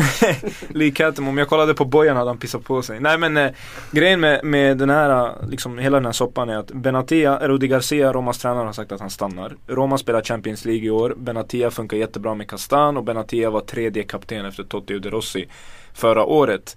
Eh, och det är en ny säsong som sagt med Champions League och, och trupperna börjar sätta sig. Det som ändå är lite oroväckande är att, det är att Roma börjar kolla på andra mittbackar. Till exempel Balant, Balanta tror jag han heter från eh, River Plate. Eh, och eh, man har värvat in Astori även om han förmodligen är tänkt som tredje val. För det behöver, du behöver tre bra mittbackar om du ska spela på tre fronter liksom. Det som är oroväckande som sagt att Roma börjar kolla på andra mittbackar och att eh, Alltså United behöver mittbackar och Chelsea har uttryckt sitt intresse och City har varit där. Nu har i och för sig Mangala kommit så jag tror inte han drar dit. Men det känns ändå som att han, han kan bli lockad av Chelsea eller United och, och dra dit. Även om Romas sportchef Sabatini har sagt att han går inte för mindre än 60 miljoner euro. Alltså det här är en sån spelare man inte får tappa om Roma verkligen vill fortsätta vara det som man eh, har börjat bygga på nu under Rudi Garcia. Att man är en scudetto-kandidat. Man är fjärde sidade i Champions League vilket betyder att man kommer få en, två, kanske till och med tre, däribland Liverpool, eh, från tredje sidengruppen, bra motståndare. Och då behöver du en sån som Benatia. Du behöver den här spelaren som de värvade för 13 miljoner euro förra året och som nu var Serie A's bästa mittback, ursäkta alla Juve-fans, och en av Europas allra bästa. Alltså jag får så här, alltså jag får, eh, alltså jag får, jag vill inte säga psyk, psykbrott för att psyk är här men Alltså jag blir psykad. Det kanske inte heller funkar men jag vill inte höra det här med att Benatia drar för att Ur, ur Roma-perspektiv, det är faktiskt det värsta som kan hända. Eh, Det finns bara en grej som är värre tycker jag och det är att tappa Strootman. Eh, Totti till Lazio. Nej den är, den är okej alltså. Jävlar. Nej men Totti, Totti litar jag på. Alltså, det, är så här, du, det, det är som den där sonen som du ska uppfostra som du litar på. Han får göra precis vad han vill för att du vet att han inte kommer göra något dumt. Men Benatia, det är den där, ah, han som okej flörtar lite med, du vet, ah, kanske går över och liksom flörtar lite med olika Hells Angels och Bandidos och såna här grejer. Broder, håll dig på rätt sida alltså. Kom, kom. Du hör hemma här. Så han måste vara kvar. Och det är jätteirriterande att han ryktas bort och oroväckande. Vi har fått en fråga här från eh, Björn, eh, Björn, vad heter han? Björn Injo. Björn Arne på eh, Twitter. Vad gör Roma om Benat, Benatia lämnar? Roma eh, kör förmodligen Astori och Castan från start och så värvar de in en tredje mittback som förmodligen blir Balanta eh, från River Plate. Och det eh, påverkar dem hur mycket skulle du säga? Mycket med tanke på att eh, Roma har bytt mittlås tror jag fyra gånger på fyra år. Nu stannade i och för sig Castan men det har varit liksom Juan Mexes, sen har det varit, eh, nu ska vi se, det var eh, innan Marquinhos kom så var det fan var det? De hade under Luis Enrique, ja ah, just det, de hade Kjär och eh, Gabriel Heinze Sen hade de Marquinhos och Castan och sen nu hade de Marquinhos, nej nu hade de Benatia och Castan. De byter mittlås hela jävla tiden. Det funkar inte om du på lång sikt ska det vara det där laget som, som slås i toppen. Sen är Benatia deras bästa mittback. På det sättet så betyder det otroligt mycket om de tappar honom. Mm. Frågan är om han finns på marknaden. För kollar man liksom, alltså David Luiz gick ju till överpris, Mangala går ju till överpris nu. Samtidigt som liksom eh, klubb efter klubb letar mittbackar. United letar mittbackar, Barcelona letade mittbackar. De hittade ju en vänsterback och tredje val till slut liksom. Mm.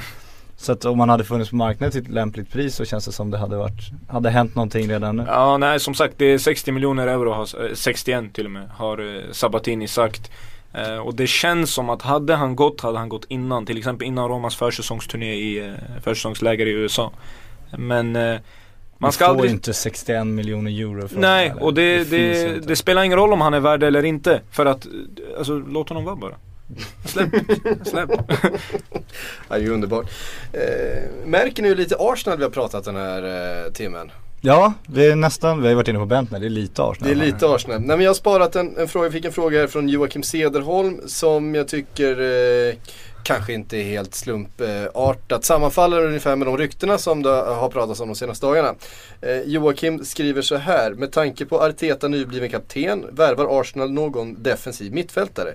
I så fall vem? Någon som kan spela eh, defensiv mittfältare slash central eller defensiv mittfältare slash, slash eh, högerback. Eh, typ Bender skriver han. Men det ryktas ju inte om Bender utan det pr- eh, pratas en hel del om Carvalho, Luis Gustavo och Benedikt Hövedes. Ja, du pratades framförallt. Nu pratas det inte så mycket alls längre om Arsenal. Det känns som Arsenal är en av de klubbarna som växlat ner nu och liksom sitter och väntar på, på tillfällen som eventuellt kan dykas upp. Jag tror inte att eh, de är så jävla aktiva. Ja, Wen- alltså Wenger har ju sagt att om, om han får en till mittback så kommer han förmodligen inte tacka nej. Eller han kommer inte tacka nej. Eh, men eh, på mittfältet eh, så Luis Lu- Gustavo har väl- har man dragit Lu- tidigare. Luis Gustavo hade jag inte liksom tackat nej till om jag var Arsenal-supporter, om jag var Arsenal-man. Liksom. Eh, va- varför ska de tacka nej till honom? I övrigt känns Arsenal ganska, ganska färdiga. De har ju spetsat med Alexis. Det är en sån spelare du vinner ligan med. Eh, Har ju pratats om ett eh, bud på Agger också.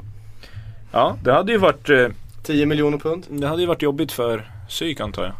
Eh, Sen gick ju eh, Brendan Rodgers ut och dementerade det här så att man inte fått några förfrågningar på Agger överhuvudtaget. Eh, men någonstans kommer ju de här ryktena ifrån och det är väl eh, inte bara Metro som har skrivit om det. Nej Eh, men får vi se vad som händer i kölvattnet efter Fermalen också. Någon ska väl in där, så är det ju. Men jag, jag tror inte att han liksom är ute efter att spetsa sin trupp med. Jag tror inte att det kommer komma in en till superprofil till Arsenal. Det är om det liksom, om han får någonting till någon, något pris som han liksom som han anser är så bra så han inte kan tacka Vad nej. hände med de här franska talangerna? Någon gång får det ju Sanogo räcka. på Men han, ja, han har ju i och för sig Sanogo men någon gång får Ja men det det, ju är- räcka. det är inte den här sommaren. Han är ju tysk nu. Det är en tysk Wenger. Det är en tysk Det Wenger. blåser tyska Det vindar i fotbollsvärlden och Är inte- då är inte- Wenger Är inte där. Wenger också uppvuxen precis på tyska gränsen? Han pratar väl flytande tyska? Alltså jag finns det ett fel. språk Wenger inte kan? Alltså på riktigt. Han, är Nej, ju, han, pratar väl, han pratar väl fyra, fem språk? han kan nog svenska vid det här laget också efter att ha varit med Kim bara ett halvår. Ja, så att, typ. äh, han är ett fenomen faktiskt. Alltså han kunde redan med Freddy Ljungberg men sen, Ja, sen slipades det med men jag tror att han är uppvuxen någonstans på tyska gränsen där och att han eh, faktiskt pratar nästan lika bra tyska som franska. Ja det, men det han, låter han, osagt. han är Det inne på vara, det tyska spåret i alla fall. Han har ju värvat en tysk fys, eller en amerikansk fystränare från det tyska landslaget va också. det, så. det kan ju kanske vara den bästa, den bästa värvningen för Arsenal på hela sommaren. En ny fystränare. Vi får se hur det påverkar eh, skadetimmarna. Eh, en liga som de eh, har en vana att, en titel de har en vana att kamma hem år efter år. Ja och det är väl en fystränare här som tydligen tränar rätt mycket hårdare än de flesta gör. Alltså istället för att ha den här rehaben efter match och den här lugna träningen dagen innan match så går han på rätt hårt och det kanske är receptet de saknat för de har ju haft skadeproblem, det är ingen snack om den saken. Nej så är det ju. Eh, det blir intressant att se här eh, vad det lider. Vi, vi kastar in lite frågor före vi knyter ihop säcken. Eh, vi har redan fått en från Joakim Cederholm. Vi tar en från Pia Karlsson och det är faktiskt en eh, före detta Arsenal-spelare. Han skriver så här. Alex Song verkar vara sommarens mest infrysta spelare. Vore väl en förstärkning för många till salu och Premier League-beprövad. Får jag ställa en motfråga? Är den där, vad sa du, Pia? P- Pia Karlsson. Pia, är hon förvånad att han är en av de mest infrysta eller utfrysta efter VM? Jävla mongo. Han är den som ska gå i täten för Kamerun. Nej men han är den som ska gå i täten för Kameruns eh, chans till avancemang i en grupp där de ändå borde kunna sluta två efter Brasilien. Och så går han och ger en jävla smäll till en motståndare. Eh, och, och befäster den här fiaskostämpeln på Kamerun som de egentligen haft sen typ så här VM 90. Så eh, ja, jag, jag är inte förvånad. Sen får Sjögren sköta det här med att, ja, vart han hamnar och grejer. Det är också, det, det har ju pratats om flera klubbar, det har pratats om bland annat Manchester United där också. Nu är det väl tveksamt om man har äh, värvat Herrera. Eh, Ja, man skulle ta in en väldigt, Alex Song väldigt bra. också. Och Alex Song är väl lite det känns som en, en lynnig kille nu liksom. Det, det har förhandlats upp en lön som var rätt skaplig tror jag efter hans förra övergång som man ska matcha någonstans. Han visar i VM ett visst humör om det nu inte var någon spelskandal som låg bakom det där som det spekulerats i också. Ja, men då är det ju nästan ännu Då är det ännu värre så att det finns många frågetecken där. Annars tycker jag Alex Song när, han var som bäst hade ju liksom varit, det är klart det hade varit en kanonkille framförallt att ha liksom som en breddspelare. inte? Ja, oh ja. Absolut. ja. Det, är, ju- Men- det är det som gör det sorgligare liksom. Exakt, men det känns, det är ju som du är inne på, det är ju fler frågetecken än utropstecken kring Alex Song just nu och Mm. det, det är ju inte så att eh, han har förtroende till sin nuvarande klubb direkt. Frysboxen är väl ett milt uttryck. Det är Nordpolen någonstans. Precis. Och där trivs inte Alex Song. Nej, tror inte. Eh, Jakob LFC eh, undrar så här. Tror ni Liverpool eh, kommer köpa in ett stort anfallsnamn för att ersätta Suarez? Tror ni man klarar topp 4 utan det? Ska vi räkna in ett ord där? Ja vi kan väl räkna med att Liverpool, eh, ja de kollar ju marknaden, det är inga snack om den saken. Det pratas ju om Cavani förut också. Mer eller mindre alla tillgängliga anfallare någonstans kopplas ju samman med Liverpool nu och känslan är ju att de ser vad de kan få och sen utvärderar om det finns liksom någon poäng i att ta någon av dem. Jag tror inte att de kommer gå ut och betala ett överpris för att få loss en Cavani om han nu skulle gå övertala och gå dit, vilket jag är mycket tveksam till. Utan jag tror snarare att de letar efter en möjlighet i så fall. Liksom, vi kollar hur desperata PSG, känna lite på det och kolla vad ett kan ha för lönekrav, om det kan vara värt det. Och det känns som de är ganska tidigt i den processen. Det känns inte som de är i, i desperation ute efter någon på det sättet. Nej. Sen kanske han inte håller absoluta toppklass men jag gillar Ricky Lambert. Rödbets, eh, som la lock på Rödbets eh, fabriker och sen så fick han äntligen spela i sitt älskade Liverpool. Så eh, okej, han kanske inte är den där klass, klass-spelaren men Alltså de har honom, han är ingen dålig spelare. Han Gubben kan, kommer springa. gubben kommer springa. Han kommer springa liksom och, och han kan ju Premier League också. Det är ju viktigt det här, tycker jag, det här med att de kan ligorna sen innan. Eh, Så att det inte blir så stora omställningar. Eh, Det kommer säkert vara en dröm för honom att bara springa in på Anfield. Så då, då kommer han springa sönder sig. Det är Men- det de har gjort bra, de har ju breddat truppen bra Ja. verkligen. Det är de här spetsarna de liksom inte riktigt har. De behöver dock en eh, vänsterback, Moreno vart ju aldrig klar, eller hur Psyk? Nej så är det. Eh, nu har det kommit en ny tur när det gäller Moreno. Först var, var han helt klar, sen var han inte klar, sen var han klar igen, sen var han inte klar, sen var han klar, sen var han inte klar, sen var han klar, sen var han inte klar. Eh, sen var han klar och nu är han inte klar igen. Eh, I helgen så kom det rykten om att han eh, skulle bli klar efter kvällens eh, supercupmöte eh, i Cardiff. Eh, men idag kom det nya uppgifter från Sevillas eh, egen ordförande eller president, President, eller något, eh, något liknande som sagt att nej vi är inte överens utan de vill, de vill krama ut de där extra Han var miljonerna. rätt tydlig och- också, han sa vi har sagt vad vi ska ha betalt och nu får de betala det annars blir det inget. Så att, Ungefär så ja. fallit Ja. två gånger redan det där. Så Så vi, vi får väl se vad som händer eh, här efter. Eh, Det pratas lite grann om att Liverpool skulle gett sig in i den här jakten på Marcos Rojo. Eh, Han är skön. Men eh, vi får se, Ja. vi får se.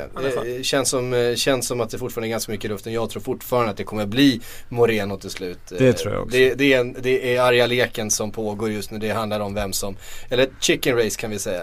Eh, kronor och ören. Ja, precis. Det, det kommer de lösa. Eh, Men jag, jag lovade här innan att vi skulle prata lite grann om Chelseas eh, startelva. Det är för att vi har fått en fråga från Billy Tengham. Hur tror ni Chelseas startuppställning kommer vara på måndag? Och det är lite intressant med, med alla mittfältare de har och eh, hur de kommer resonera. Jag tror att backlinjen, eh, jag tror att Courtois kommer spela i målet. Det tror jag Har också. ni med mig? Mm. Filipe Luis, John Terry, eh, Gary Cahill och Aspilicueta Mm. Ja. i backlinjen. Sen kommer det intressanta. Eh, tror ni han spelar 4-2-3-1? Ja, jag tror det. ja, det tror jag också. Eh, då, vilka har vi då eh, som de två? Chesk. Ja, Chess kommer definitivt, han kommer Ja. ju vara ankaret i år. Han kommer Mm. ju vara den han verkligen satsar på. Han är den som ska stabilisera hela, upp hela, hela skiten. Så att eh, han kommer ju definitivt lira. Och bredvid Cesk, eh, Matic. Ja. Ja, ja, vi får väl säga det. Mm. Jag gillar min Mikael Din Mikael. ja, det gör ju Mourinho Ah. också. Ja, jag menar det. Men jag tycker han är en, en jävligt nyttig spelare. Så jag är oroad. Oroande blickar jag ser på Chelsea just nu. Mhm. Eh, och fronttrio med Dio Costa kommer ju vara, vara striken, sen kommer ju Hazard lira såklart. Men nu, det, den som ska göra det för dem trots allt, trots Costa. Ja. Eh, och då har du som sagt Hazard och på nummer 10 rollen Oskar? Ja, Oskar måste spela. Oscar och sen till höger Blir det Schürrle? Salah. Nej, inte Salah. Tror mer på Schürrle. Ja. Ge Schürrle chansen, kan vi inte bara slå fast det nu? In med Jo, grabben. han förtjänar ju det. Eller hur? In med Marco det. Marin också fan, kör tillbaks honom. Nej, ta in Bojan också. Van Ginkel. Fler dåliga tyskar vill jag ha. Så halvbra tyskar som inte riktigt platsar. In med dem. In med hela laget. Fan. Ja men där har vi. Eh, och min, min poäng är lite grann när vi har satt ihop den där. Hur långt kommer man med den här startelvan? Det är en fruktansvärt bra Vinner startelva. Premier League, tycker jag. Alltså, Är det den bästa startelvan som Chelsea har haft sen eh, Mourinho var där förra gången om vi säger så? Sen Zola. Ja, nej, sen Tore André Flo. Det roligaste med Chelsea tycker jag, eller det, det mest imponerande, alltså kollar du på City så har de två svinbra startelvor. Men de har också ett ganska, de har ett spelsätt på något sätt liksom. De ska föra matcherna, det är mycket fart, det är mycket fläkt, funkar det inte så funkar det inte. Chelsea kan ju spela på sinnessjukt många sätt för att de har en tränare som är helt jävla galet bra tycker jag. Alltså han de kan ju, som förra året, han kände inte att han hade truppen för den här Premier League. Då gick han in i vissa toppmatcher, han hade liksom sån uttalad strategi liksom. Idag ska vi inte ta några som helst risker, idag spelar vi lite på chans att det är vi som ska få möjligheten liksom. He, hel match, inga inkast gick eh, annat än rakt fram. Det fanns liksom inga passningar som gick i sidled på det defensiva mittfältet i stort sett. Det var liksom så jävla tydliga linjer hela tiden. Så han drillar dem ju så sinnessjukt mycket och därför tror jag också att Fabregas är liksom nästan nästan deras bästa värvning. För han kan det taktiska, han kommer liksom aldrig slösa bort en boll i någon farligt Nej. läge. Han är ex- extremt vårdande, han kommer ta den rollen. Så att med Mourinho så tycker jag att Chelsea är favorit i Premier League. Jag håller med. Jag tror också att de vinner. Spännande. Och, eh, jag måste säga att jag, jag byter ut Schürrle ändå mot William. Nej. Nej, in med Schürrle för Schürrle, fan. Schürrles Tyskland manglade ju hans Ja, lägg Brasilien. ner nu. Då får du ta bort Oscar istället. Fan. Ta bort Oscar istället. Ingen, ingen rör Eden. Ska lira nu. Ingen rör. Eden i alla fall. Nej, Jag hoppas jag- Eden ska fan Eden rör vi inte. Fine. Men då kastar vi in en till fråga.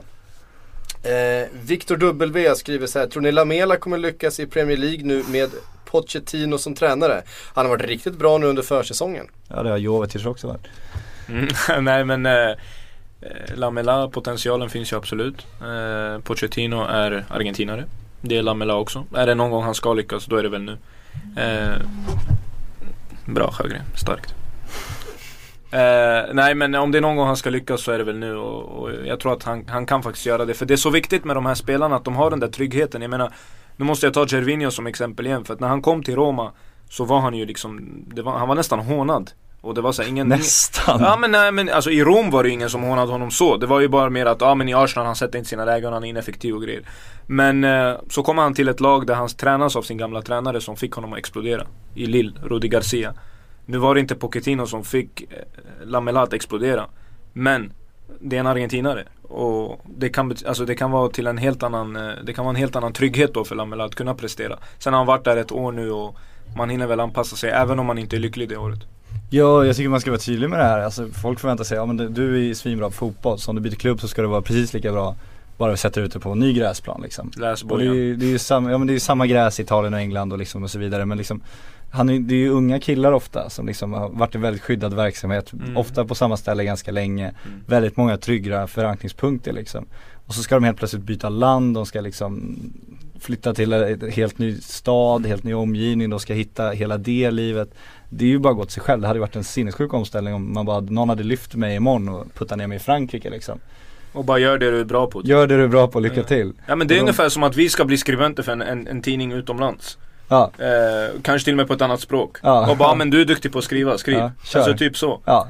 Ex, Det är- Extra relevant när det gäller just eh, Lamela eftersom han verkade ha problem med språket i början och inte kunna kommunicera med sina Jo lagkamrater. men vi hör ju många som, även typ om vi tar Raheem Sterling liksom, man fick ju höra hur han liksom fick skjutsas hem av sin kontaktperson i, i Liverpool till, till sin gamla stad för att hälsa på sin mamma liksom. Så han sov han där och så fick han skjutsas tillbaks på morgonen igen. Den killen bytte ju inte ens land liksom.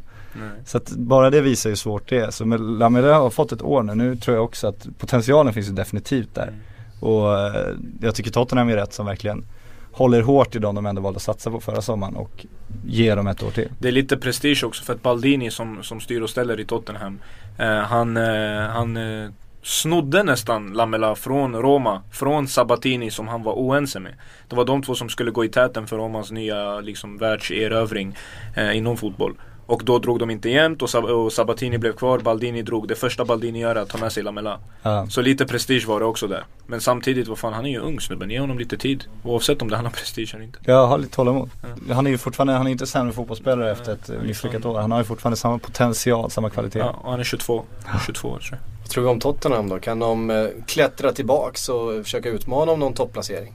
Jag tror det. Jag tror ganska, alltså det är så svårt då, efter förra året, man vet inte riktigt hur de fått, om de fått ihop det bättre. Men potentialen finns ju och det känns som ett år till ganska orörd trupp ändå. Fått jobba lite i lugn och ro nu. De har inga större förväntningar på sig vilket de ändå hade förra året.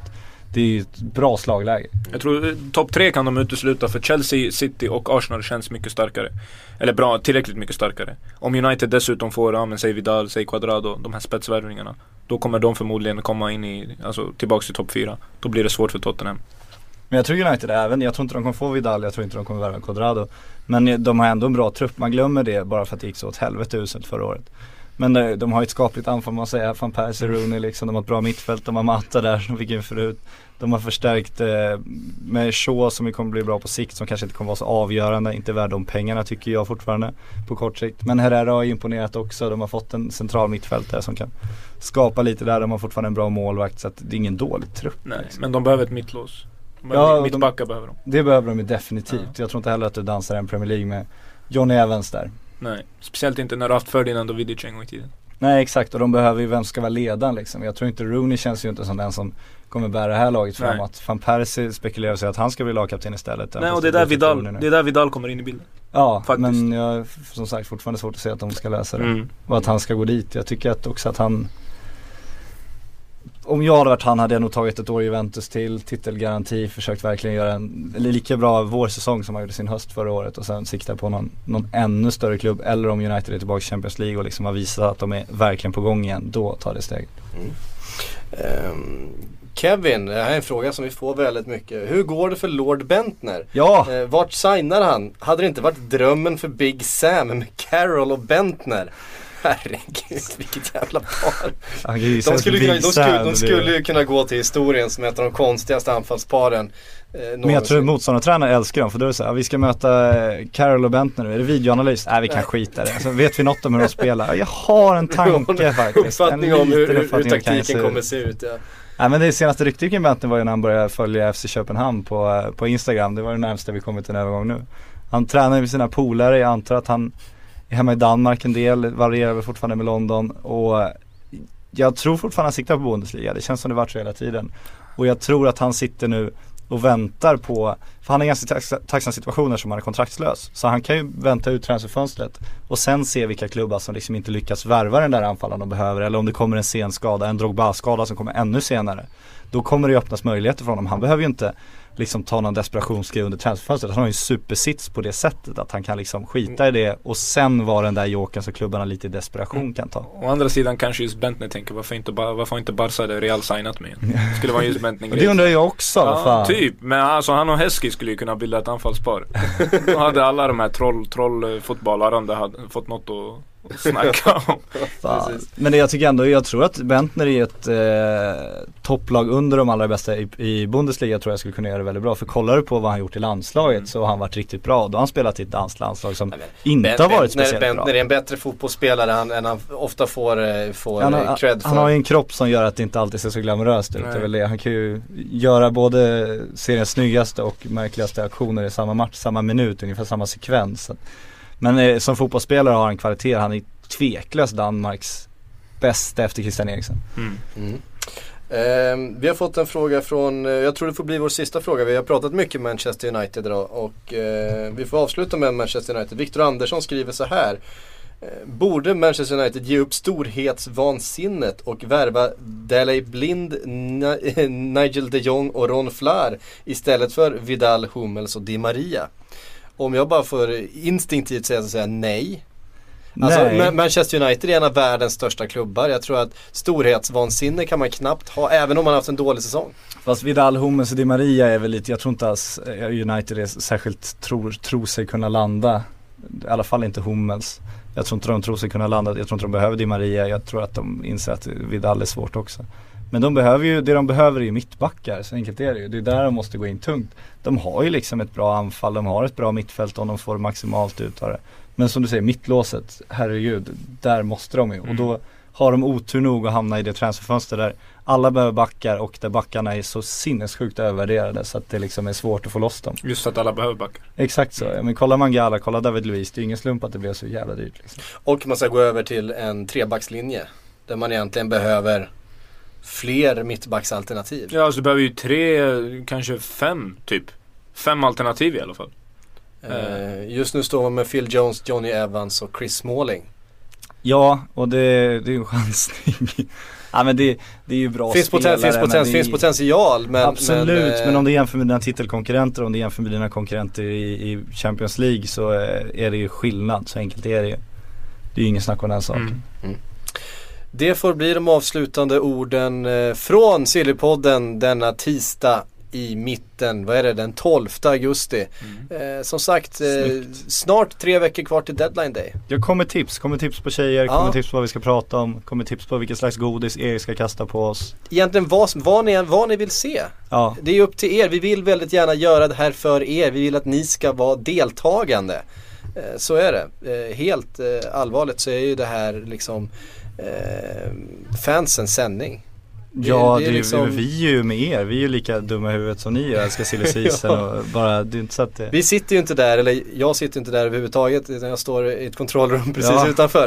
Eh, Men vi finns ju där på något sätt som fans. Ja, det mest fascinerande tycker jag är varje år när vi kör 12 timmar och så släcker vi kameran. Det första vi säger är Fan vad jobbigt det där var. Och sen går det två minuter sen bara Vad fan, vad, vad hände med, med Vidal liksom? Vad fan, Alltså fortsätter det vi prata det, så, så liksom? går man ut och tar en bärs och det enda man pratar om under hela kvällen det är vad, vad som hände. Och, Ja, då har vi ändå bara pratat om det i 12 timmar innan så att, ja, det är otroligt. Det är backstage från Sjögren. Ja. Ja eller hur, lite inside Inside info. Extremt dålig inside info Den var ju underbar när vi ringde upp eh, Cabrera i sändning. Ja den var fin Det, det, var, det var journalistik. Det var Där journalistik. klev du ur din roll som, eh, som supporter och in i din reporterroll. Exakt så Mm. Ja Det måste, man, det måste man kunna göra också.